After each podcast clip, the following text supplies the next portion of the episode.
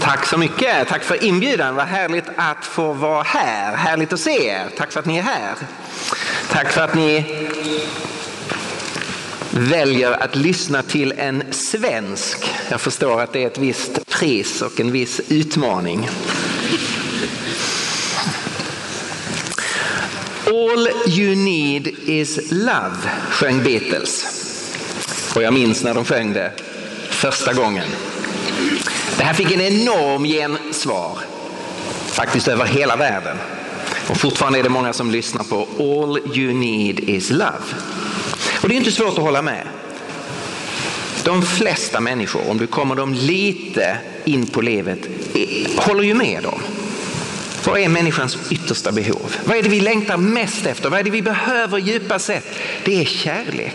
Det finns inget som kan trumfa kärleken. Det finns ingenting som är viktigare i en människas liv och vi vet det och vi längtar efter det. Och vi gråter och sörjer när vi inte känner oss älskade.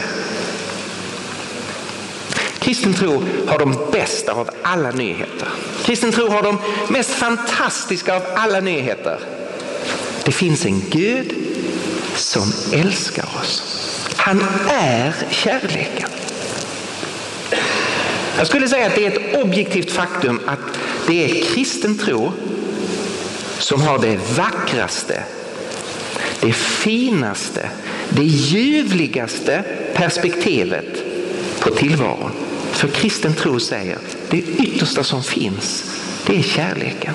Det yttersta som alltid har existerat, det är Gud och han är kärlek. Hur långt du än går tillbaka i tiden till världens skapelse och om du lyckas gå bortom världens skapelse, vad är det som finns? Det är kärlek. Av evighet finns kärleken. Och när vi längtar efter kärlek så är det en liten reflex i vårt liv av att vi är skapade av kärlekens Gud för att höra samman med kärleken. Du tittar på andra livsåskådningar, de som säger att Gud inte finns. Sekulära perspektiven. Vad innebär de? De innebär att det yttersta som finns är energi och materia.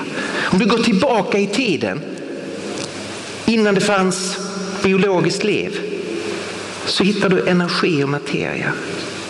Det är kallt, det är livlöst, det är mekaniskt. Du finner inte kärleken.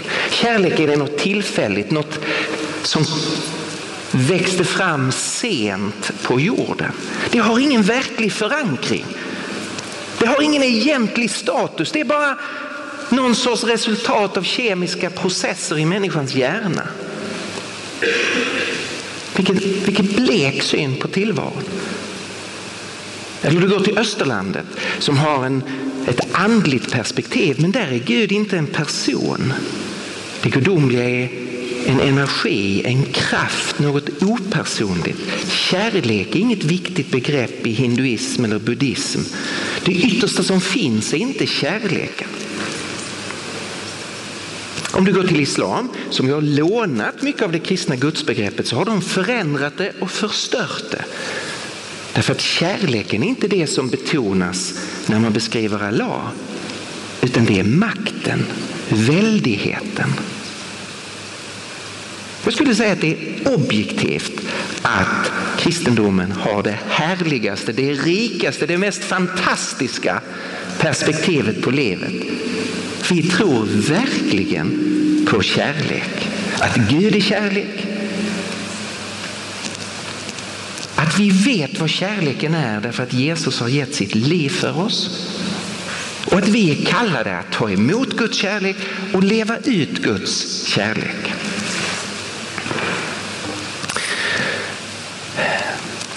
Nu kan ju kristendomen vara det härligaste perspektivet, objektivt sett. Men det behöver ju inte vara sant. Det kan ju faktiskt vara så att det är något av de blekare, sämre alternativen som är sanna, eller hur? Temat för ikväll är sannheten, tro i kärlighet. När vi studerar Nya Testamentet så är det inte bara så att man presenterar Gud i kärleken utan man hävdar kärlek och sanning hör samman. Kvällens tema är hämtat från Efesierbrevet. Låt oss i kärlek hålla fast vid sanningen. Det här är inte två olika saker. De är relaterade till varandra. I den fantastiska lovsången till kärleken som Paulus har i första Korintierbrevet så säger han kärleken finner inte glädje i orätten men gläds med sanningen. Vi som är kristna vi tror på kärleken och vi tror på det som är sant. Vi vill hålla sanningen högt. Och vi är övertygade om att den kristna tron inte bara har det ljuvligaste budskapet att Gud är kärlek utan att det är det som också är sanningen, den yttersta sanningen. Och vi kan aldrig separera de här två sakerna. Problemet är att vår kultur som gärna skulle säga ja till kärlek, när träffade du senast en person som protesterade mot tanken på kärlek? Så man är väldigt positiv till det vi säger om kärlek. Man är väldigt skeptisk till att det här är sant. Så vi lever i en kultur som är full av kritik mot vår tro. Peter Atkins, professor vid Oxford University i kemi, väldigt uttalad ateist, stark kritiker till kristen tro. Han säger science and faith, och det han tänker på är kristen tro, cannot be reconciled. Du kan inte förena vetenskapen, forskningen, sanningen om universum med det som tron säger. Det hänger inte ihop. Sorry, kristen tro är inte sann. Det är bara en vacker saga att kärleken är det yttersta. För ett par år sedan så eh, var det en stor busskampanj just i Oxford. På, eh, där man på de här stora engelska bussarna, kanske var det i andra städer också, eh, där man hade stora posters på sidan. There's probably no God. Now stop worrying and enjoy your life. Det finns troligen ingen, ingen Gud. Men sluta oroa dig och njut av ditt liv. Så man säger nej till den kristna berättelsen om kärleken. Is the Bible fact or fiction? Är Bibeln fakta eller fiktion? Ja, väldigt många skulle lägga sin röst på att det är mest fiktion. Det är klart det finns vissa saker som kan vara sanna i Bibeln, men den kristna berättelsen om vad Gud har gjort i historien, att han som är kärlekens Gud har gripit in, det är mest myter, fiction, det är inte fakta. De här rösterna, och jag kunde gett hur många röster som helst. Ni vet vilka som är de kristna rösterna. Jag kunde gett många röster från Sverige. Jag har valt att ta några engelska röster här. De hörs från alla möjliga håll och har hörts under flera hundra år. Kristendomen är inte sann. Jag läste en artikel i eh, tidningen The Spectator som gick igenom statistiken i England tittade på hur ser utvecklingen ut när det gäller trenden när det gäller de som bekänner sig till kristen tro. Och man kunde konstatera 2067 försvinner den sista kristne från England. Hur kunde man komma fram till den siffran? Jo, man tittade på hur ser trenden ut när det gäller antalet kristna i England? Och så tittade man från 2001 till 2011 under en tioårsperiod. De senaste tio åren, trenden är neråt. Och sen drog man ju bara ut linjen. Om trenden fortsätter likadant, när försvinner den sista kristne från England? Jo, 2067.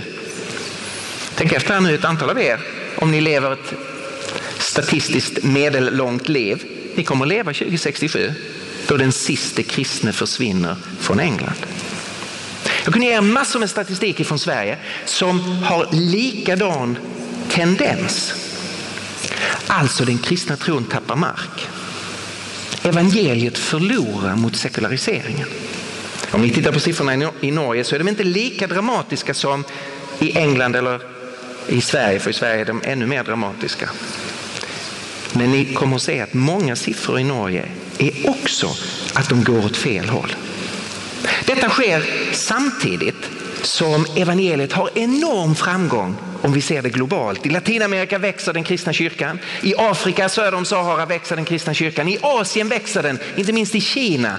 Där är väckelser större än någonsin tidigare. Men i Europa, i Norden, så kollapsar kyrkorna. Därför att de kritiska rösterna har vunnit och trosförsvaret, vad har det varit? Veckan innan jag åkte hit så presenterade Sifo som är det stora opinionsinstitutet i Sverige som undersöker trender och, och, eh, och så. De ställde frågan så här, vilken relevans har Bibeln? Och så frågade man svenska folket, en stor undersökning, vilken relevans har Bibeln? 27 procent sa inte speciellt stor. 55 procent, sa. 55 procent sa ingen relevans eller nästan ingen alls. Kan ni räkna hur mycket är 55 plus 27? Det blir 82 procent tycker att Bibeln inte har någon relevans alls eller inte särskilt stor relevans. Alltså innehållet i de här texterna uppfattar över 80 procent av svenska befolkningen som det är inte speciellt relevant. Alltså det är någonting man kan ignorera.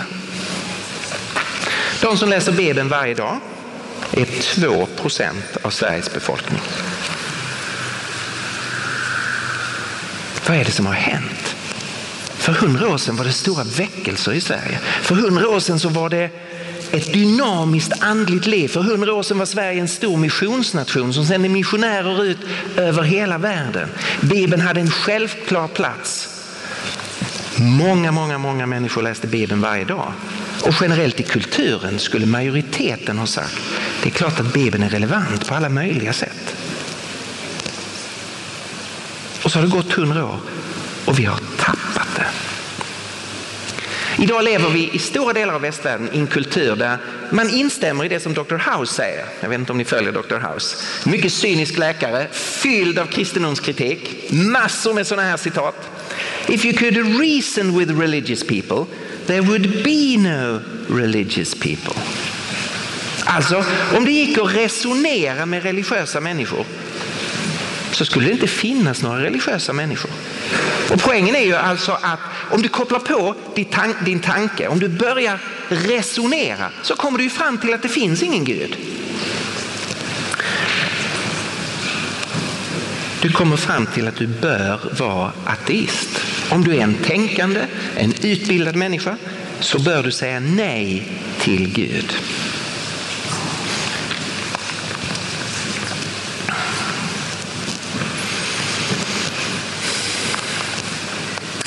Det finns ett, ett fint ord som heter kognitiv dissonans. Dissonans är när två toner inte riktigt passar ihop. När det skär sig. Det kognitiva det har med tänkandet att göra.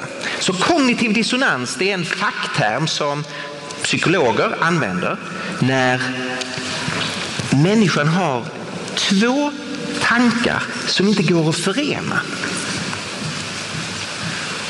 När jag tänker på mitt land, och jag tror att du kan känna igen Norge i det här, så är det så här. En hel del människor har växt upp i en kristen familj eller haft kontakt med en kristen församling. Då har de hört de här fina orden. Det här vackra som jag började med. Det finns en Gud. Han älskar dig. Det är han som har skapat dig. Han har en plan för ditt liv. Han vill dig väl. Han vill leda dig. Han vill använda dig. Be till honom. Han lyssnar. Han svarar. Det gör skillnad. Läs hans ord. Han vill vägleda dig. Han är full av barmhärtighet. När du har misslyckats vill han förlåta dig, rena dig, upprätta dig. Följ honom. Fantastiska ord. Sen säger hela kulturen runt omkring. finns ingen Gud. Sorry, det trodde vi innan vetenskapen. Men idag vet vi att det inte finns en Gud. Bibeln det är bara en massa myter från antiken. Du kan inte låta dig styras av en 2000-3000 år gammal text skriven av människor som inte visste någonting.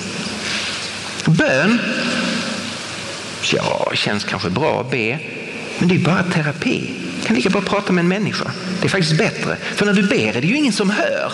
Det är bara att du själv lättar lite på det psykiska trycket. Det finns ingen som hör dig. Det gör ingen skillnad att be. Så har du två helt olika röster.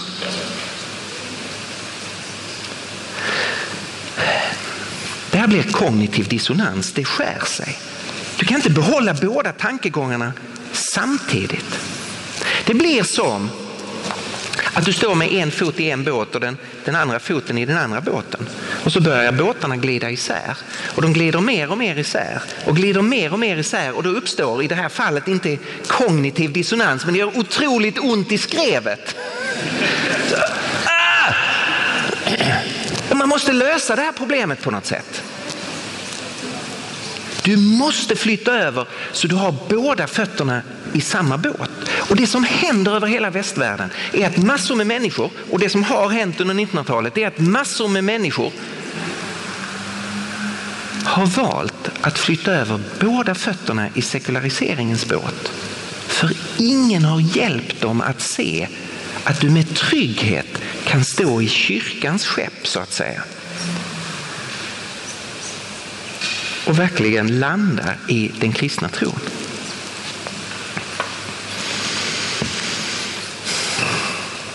Så vi befinner oss i en, en tragisk situation där kritiken har vunnit över evangeliet.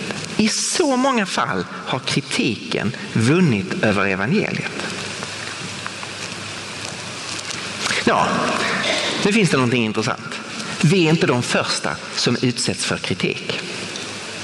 Det har funnits kristna före oss som har varit bombarderade med, med kritik och med invändningar. Om man går tillbaka och tittar på den kristna rörelsen när den startade. De hade det minsann inte lättare än vi. De levde i en kultur som ställde massor med kritiska och skeptiska frågor. Den kristna rörelsen blev ifrågasatt av synagogan. Många i synagogan ville inte ta emot Jesus som Messias och hade väldigt starka invändningar när det gällde tanken på en korsfäst Messias. Det stämmer väl inte? Messias ska vara segerrik, stark. Man fick stark press från den romerska myndigheten som sa ni måste bekänna Kyrios Caesar, kejsaren är herre. Ni måste bekänna er lojalitet till kejsaren. Sen får ni tro vad ni vill. Och de kristna bekände ju Kyrios Jesus. Jesus är herre. Man fick gradvis mer och mer kritik från en rörelse som kallades för gnosticism. En väldigt andlig rörelse som förnekade att Gud är den som har skapat kroppen, det fysiska, världen, som hade en helt annan väg till frälsning. Och man blev ifrågasatt av grekiska filosofer, av epikureer, av stoiker. Så man var omringad av kritik. Vad gjorde då de första kristna? Det är uppenbart att de förlorade ju inte. De vann över hela romarriket. Efter 300 år så blev kristendomen den dominerande uppfattningen. Vad var det som gjorde att den kristna tron, från början bara några hundra personer i Jerusalem, trots att de var utsatt för tryck och kritik, vann romarriket för Jesus. Kan man veta det? Här finns ett underbart citat. Det är från en historiker vid Cambridge University som specialiserade sig på frågan hur kom det sig att den kristna rörelsen mot alla odds kunde vinna över romarriket. Och han säger så här. Christianity was victorious because the early Christians outlived, outsought, outdied the world around them. Han säger det var tre saker. Kristendomen var segerrik därför att de tidiga kristna för det första outlived världen omkring dem. De levde på ett sätt man inte hade sett några andra leva på. De var nämligen präglade av den kärlek de trodde var den yttersta verkligheten. Därför levde de ett liv i kärlek. De tog sig an de som var föraktade och svaga, de som ansågs värdelösa. De brydde sig om slavarna, om de sjuka, om de handikappade. Man lyfte kvinnan och synen på kvinnan. Man tog hand om barn som hade fötts men som föräldrar inte ville ta hand om och som bara sattes ut på vägen eller i skogen. När pesten, när smittorna drog fram i romarriket så flydde alla de som hade möjlighet, flydde städerna. Men de gamla, de sjuka var kvar. Då stannade de kristna kvar för att hjälpa dem som inte kunde hjälpa sig själv. Omgivningen såg det. Här finns en kärlek man inte hade sett tidigare. För det andra, they outthought. Så om det första är egentligen diakoni, kärleken att ta sig an den som är svag och har det svårt, så är det andra outthought, det är apologetik, trosförsvaret. De hade ett starkare perspektiv och de var beredda att argumentera för det. Och det var det de gjorde. Och vi känner till många av de tidiga martyrerna, en av de mest kända eh, apologeterna, många av de tidiga apologeterna, en av de mest kända är Justinus martyren. Och man gick i dialog med synagogan, med den romerska myndigheten, med gnostikerna, med de grekiska filosoferna. Och man visade att evangeliet är sant. Och det tredje är they outdied.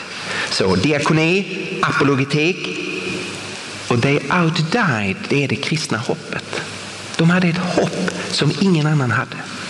Romerska myndigheten försökte stoppa den kristna rörelsen genom att gång på gång starta förföljelser, fängsla de kristna, döda de kristna.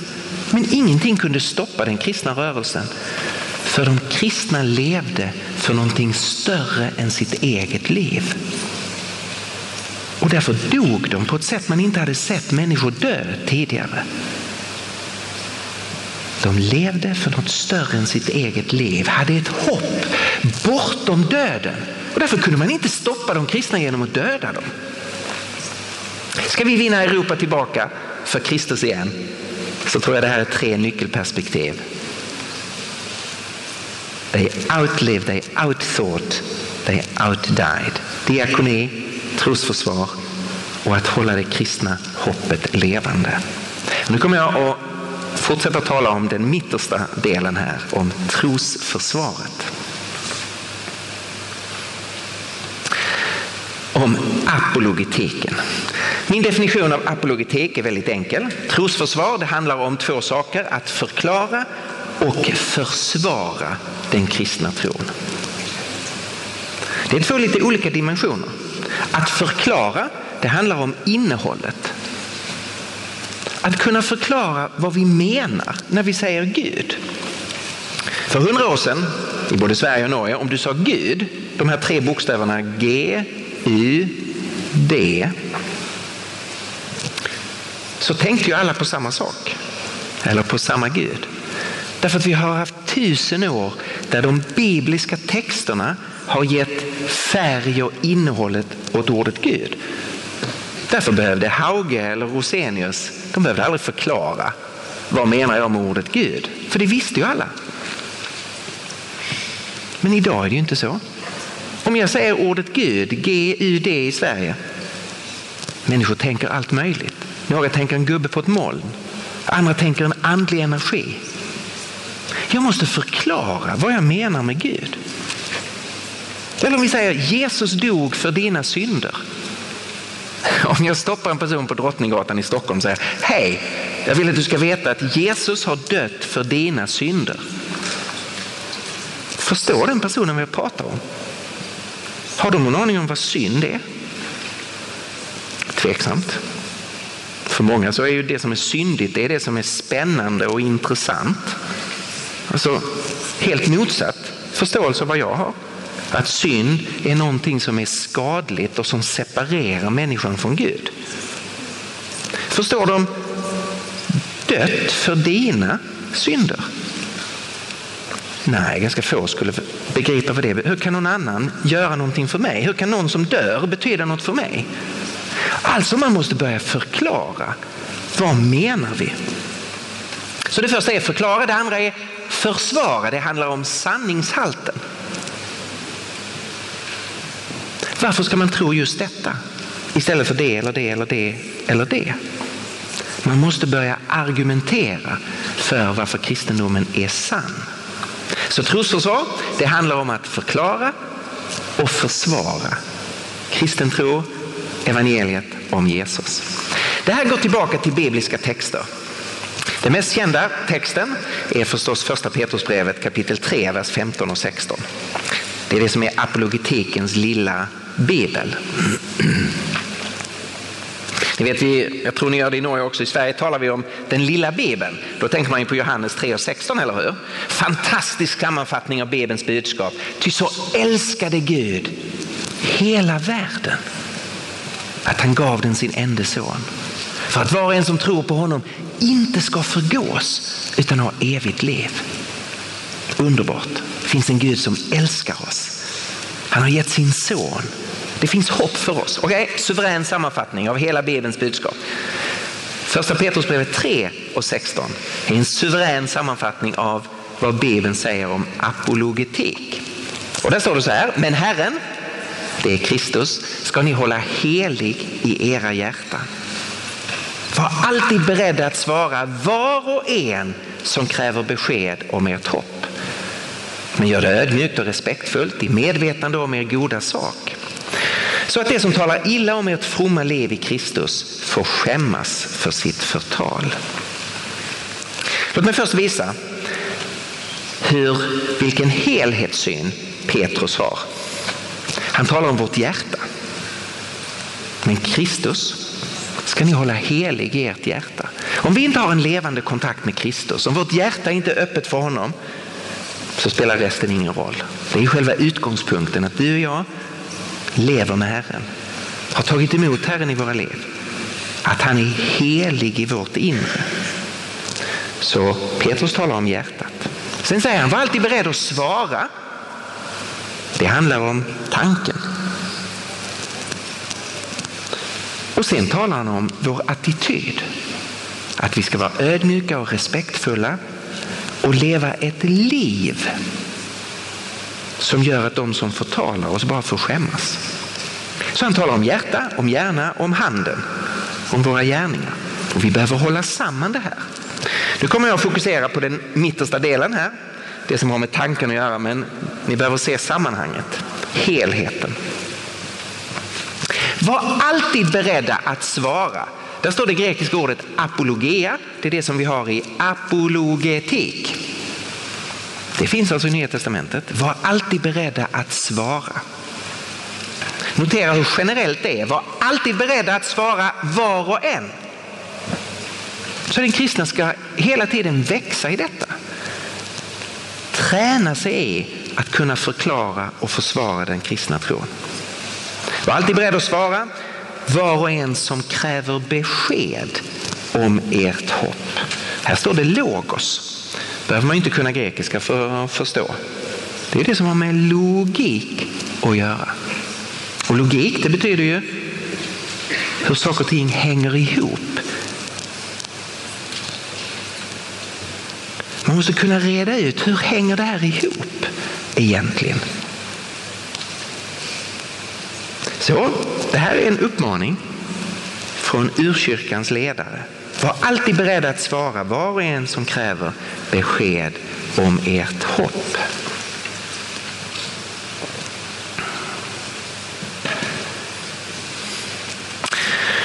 Om vi studerar Paulus så kan vi se att han verkligen levde i enlighet med det som Petrus talade om. På många, många, många ställen i Apostlagärningarna så kan vi se att Paulus fungerade som en apologet. I Apostlagärningarna 19 när han är eh, i Efesos så står det så här. I synagogan talade Paulus under tre månader öppet och fritt och sökte övertyga dem om Guds rike. Så står det i svenska översättningar. En ganska svag översättning. Engelska översättningen säger så här. He was arguing persuasively about the kingdom of God. Han argumenterade övertygande för Guds rike. Och det behövde han verkligen göra därför att synagogan var ofta negativ och kritisk. När jag tänker på situationen i Sverige så skulle vi behöva mängder med människor som på olika sätt och på olika nivå argumenterade övertygande för Guds rike. Om du läser vad som hände så kom massor med människor till tro i Efesos.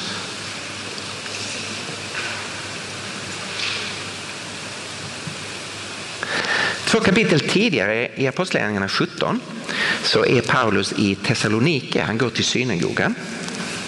Och då står det så här, Utgående från skriftställen som han tolkade visade han att Messias måste lida och uppstå från de döda. Och Messias, sa han, det är just denne Jesus som jag förkunnar för er. Igen kan man säga att engelska översättningar är mycket starkare. Det står så här i New International Version. He reasoned with them from the scriptures, explaining and proving. Lät som apologetik, förklara och försvara. Explaining and proving that the Christ had to suffer and rise from the dead. Notera en viktig sak här. Paulus arbetar i två steg i synagogan. Om ni tittar på den, den svenska texten där. Han går igenom skriften och visar att Messias måste lida och sen uppstå från de döda. Han börjar alltså inte med att gå in och predika Jesus är Messias. Därför det skulle aldrig funka. Varför? Därför att man i synagogan hade en missuppfattning om vem Messias skulle vara. Man tänkte att Messias skulle vara, som jag nämnde tidigare, stark, segerrik. Gud skulle sända en gestalt som skulle befria Israels folk. Och nu var ju Israels folk sedan lång tid ockuperat av romarna. Då tänkte man sig att Messias, när han kommer så ska han vara en politisk ledare, en militär ledare. Han kommer att leda upproret mot Rom, kommer befria Jerusalem, kommer befria Israel. Och så kommer han att upprätta Gudsstyrkan.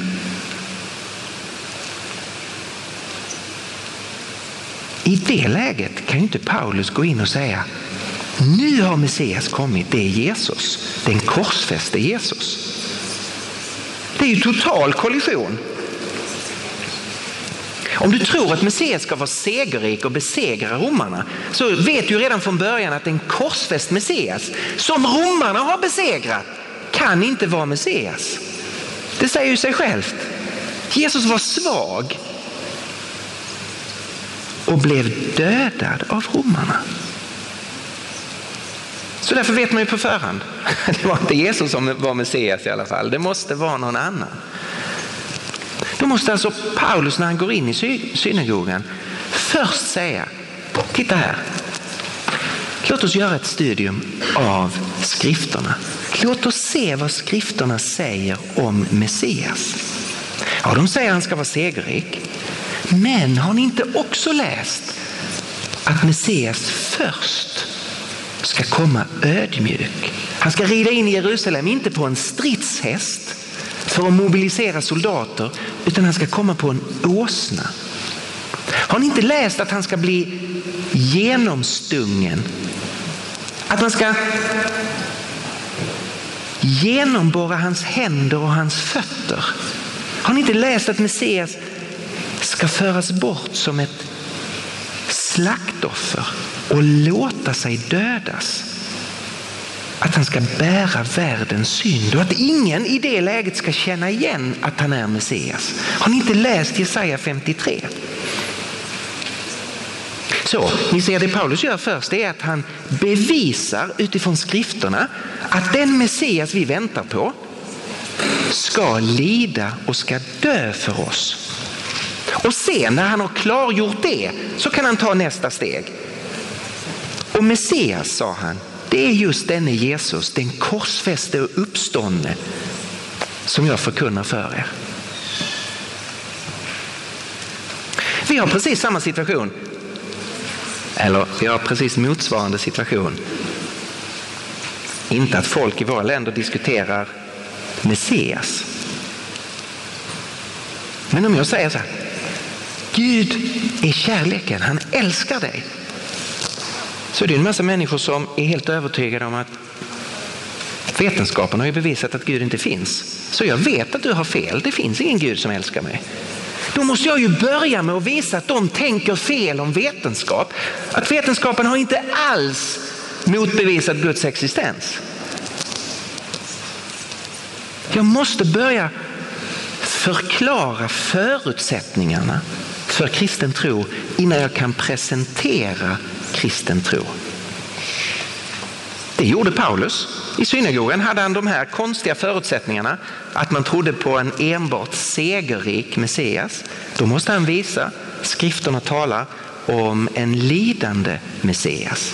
Vi har en massa konstiga föreställningar runt omkring oss om att vetenskapen har motbevisat Gud. Till exempel och många andra konstiga föreställningar.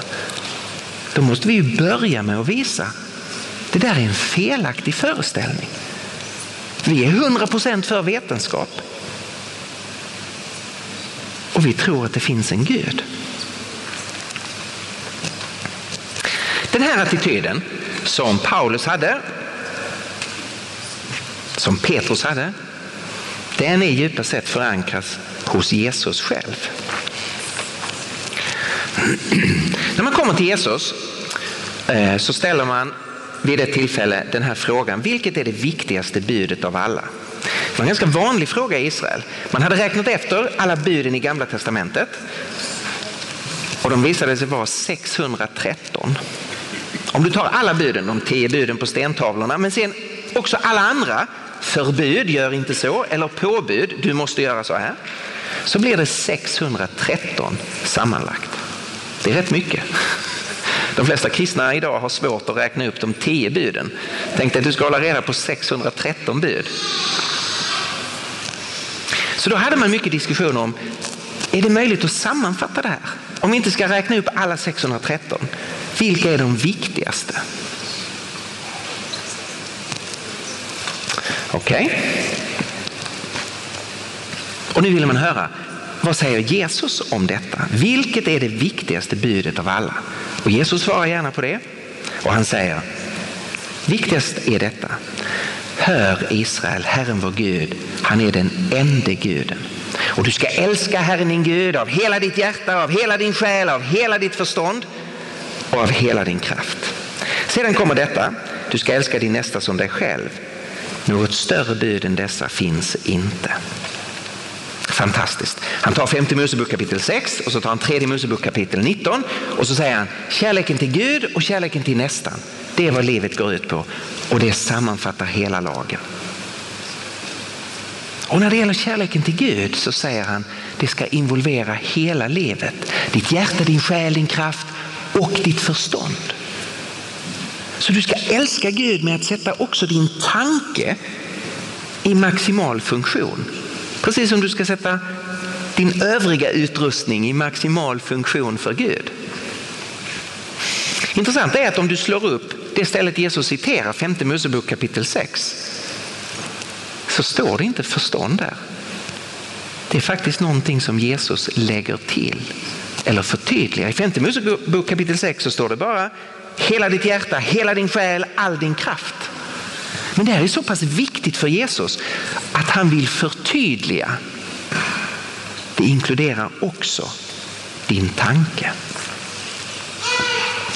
Det är oerhört spännande att följa Jesus i evangelierna.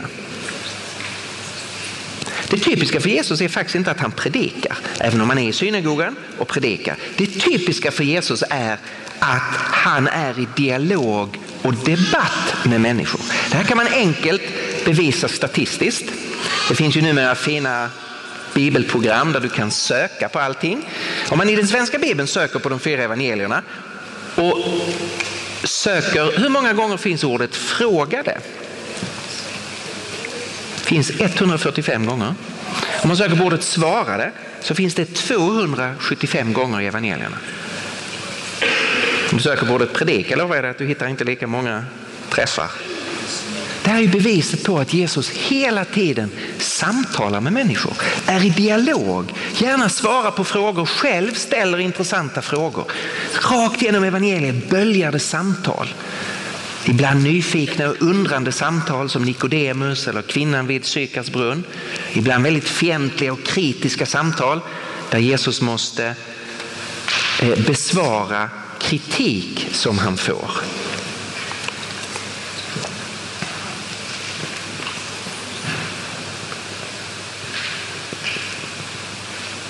Låt mig visa er en text, en ganska välkänd text där Jesus möter kritik. Och så ska vi fundera på hur, hur gjorde Jesus när man var kritisk mot hans budskap? Det står så här i Matteus 12. Sedan förde man till honom en besatt som var blind och stum. Här är alltså en stackars människa som sitter i det ondas, är fånge i det onda och dessutom så är det fysiska konsekvenser. Han är blind och stum. Och Jesus botade honom. Underbart, han befriar en människa från djävulens makt. Han helar personens kropp. Så den stumme kan se och tala. Och allt folket ser detta och man häpnar.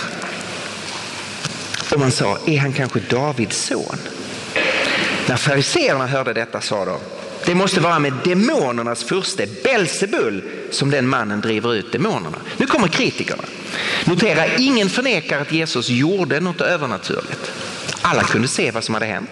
Alla kunde se undret, alla kunde se att mannen var frisk. Ingen ifrågasätter att det har skett. Men nu får Jesus stenhård kritik. Några säger, han gör det inte med Guds kraft, han är i förbund med djävulen. Alltså en fruktansvärd kritik.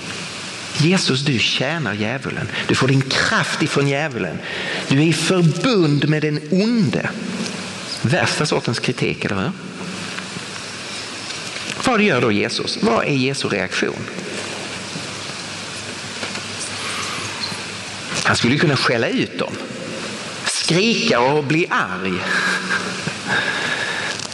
Han hade kunnat liksom bara, ah ni är hopplösa. Han hade kunnat ge något väldigt fromt svar. Den som är andlig förstår att det här är eller något annat. Vad gör han för någonting? Han plockar upp deras kritik och börjar analysera den. Okej, okay, ni säger att jag gör det här med djävulens kraft. Intressant. Låt oss se hur bra förklaring det är. Med ett modernt ord så dekonstruerar han deras kritik. Han analyserar deras kritik. Så här gör han. Men Jesus visste vad de tänkte och sa till dem, varje rike som är splittrat blir ödelagt och en stad eller en familj som är splittrad kan inte bestå. Om Satan driver ut Satan splittras han. Hur ska hans rike då kunna bestå? Det Jesus säger är så här. Okej, okay, ni säger att förklaringen är att jag är förbund med djävulen och att djävulen helt enkelt har startat ett inbördeskrig mot sig själv. Ett civil war mot sig själv. Och, borgerkrig. Borgerkrig, okej. Okay. Då så säger Jesus, ja, men låt oss tänka på det här. Låt oss, så tar han tre exempel. Låt oss tänka på ett rike, en stad eller en familj där det kan bli ett borgerkrig. Där man vänder sig mot varandra. Notera då när det är borgerkrig, då är det faktiskt två grupper som står mot varandra. Du startar inte ett borgerkrig mot dig själv, utan du är alltid mot en annan grupp i riket, en annan grupp i staden, en annan familjemedlem som du startar ett krig mot. Och borgerkrig är ju alltid fruktansvärt eh, förödande. Alla vet att det är den värsta sortens krig. Allting bara ödelagts. Okej, okay, hur bra förklaring är det här? Varför skulle Satan starta krig mot sig själv? Då går ju hans rike under. Det vill man väl inte? Ser ni att Jesus resonerar och visar er förklaring är ju en värdelös förklaring.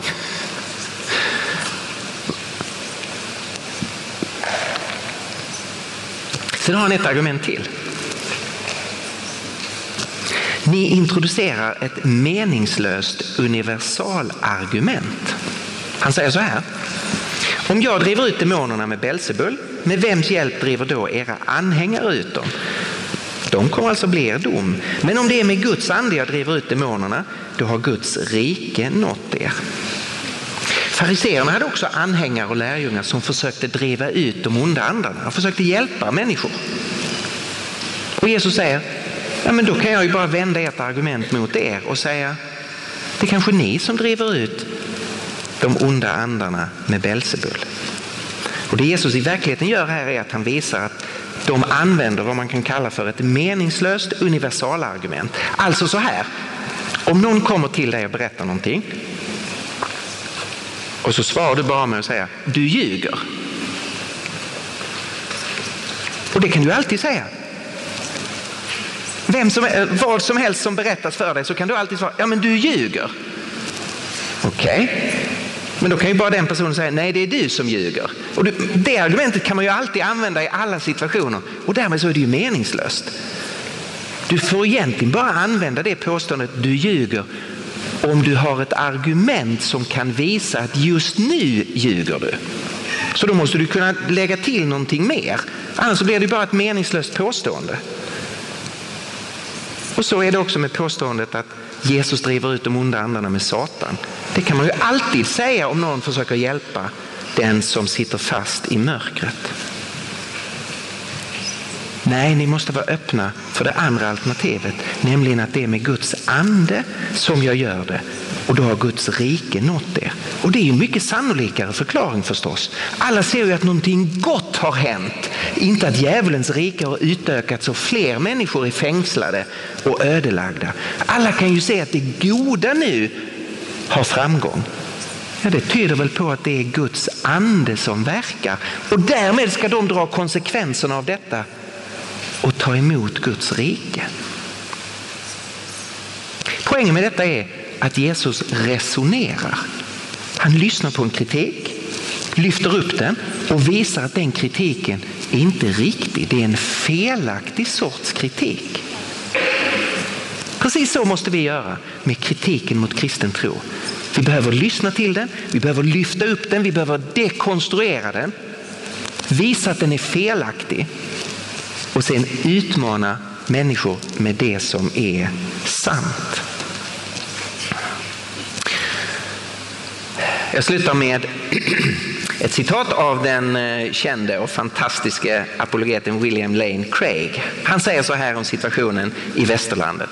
Det är otillräckligt att vi i våra ungdomsgrupper i församlingen satsar på underhållning som avslutas med några fromma tankar. Vi behöver träna våra ungdomar för krig. Vi kan inte skicka dem till skolor och universitet beväpnade med gummisvärd och plastrustning. Tiden för lek är förbi. Och det menar jag att den verkligen är. Vi måste ta de stora frågorna på allvar. Och det är faktiskt vad apologetiken gör. Man tar frågorna på allvar. Men det innebär också hårt arbete. Man måste börja engagera sig. Man måste vara beredd att jobba. Men tiden för lek är förbi. Vi behöver hitta tillbaka till det som var urkyrkans hållning. Christianity was victorious because the early Christians outlived outthought and outdied the world around them. Jag är säker på att Veritas-konferensen kommer få mycket stort inflytande framöver i norsk kristenhet om vi börjar ta det här på allvar och blir människor som håller samman det underbara budskapet om att Gud är kärlek med de häpnadsväckande anspråken att detta är sant det är verkligen sant, det är objektivt sant, det är evigt sant. Och de två sakerna tillsammans är en sprängkraft bortom allting annat. Gud finns verkligen. Kärleken är verkligen det yttersta av allt som existerar. Och vi är inbjudna att bli en del av den kärleken. Herre, jag ber dig att du ska hjälpa oss att leva för dig, att tjäna dig, att dela evangeliet om det. Jag ber dig att du ska ge oss den hängivenheten och den insikten som de första kristna hade. Tackar dig för den fantastiska förmånen att vi får tillhöra dig, att vi har lärt känna dig, att du har dragit in oss i din gemenskap. Och vi ber dig här att du ska rusta oss och prägla oss och hjälpa oss att förtjäna dig i vår tid. Amen.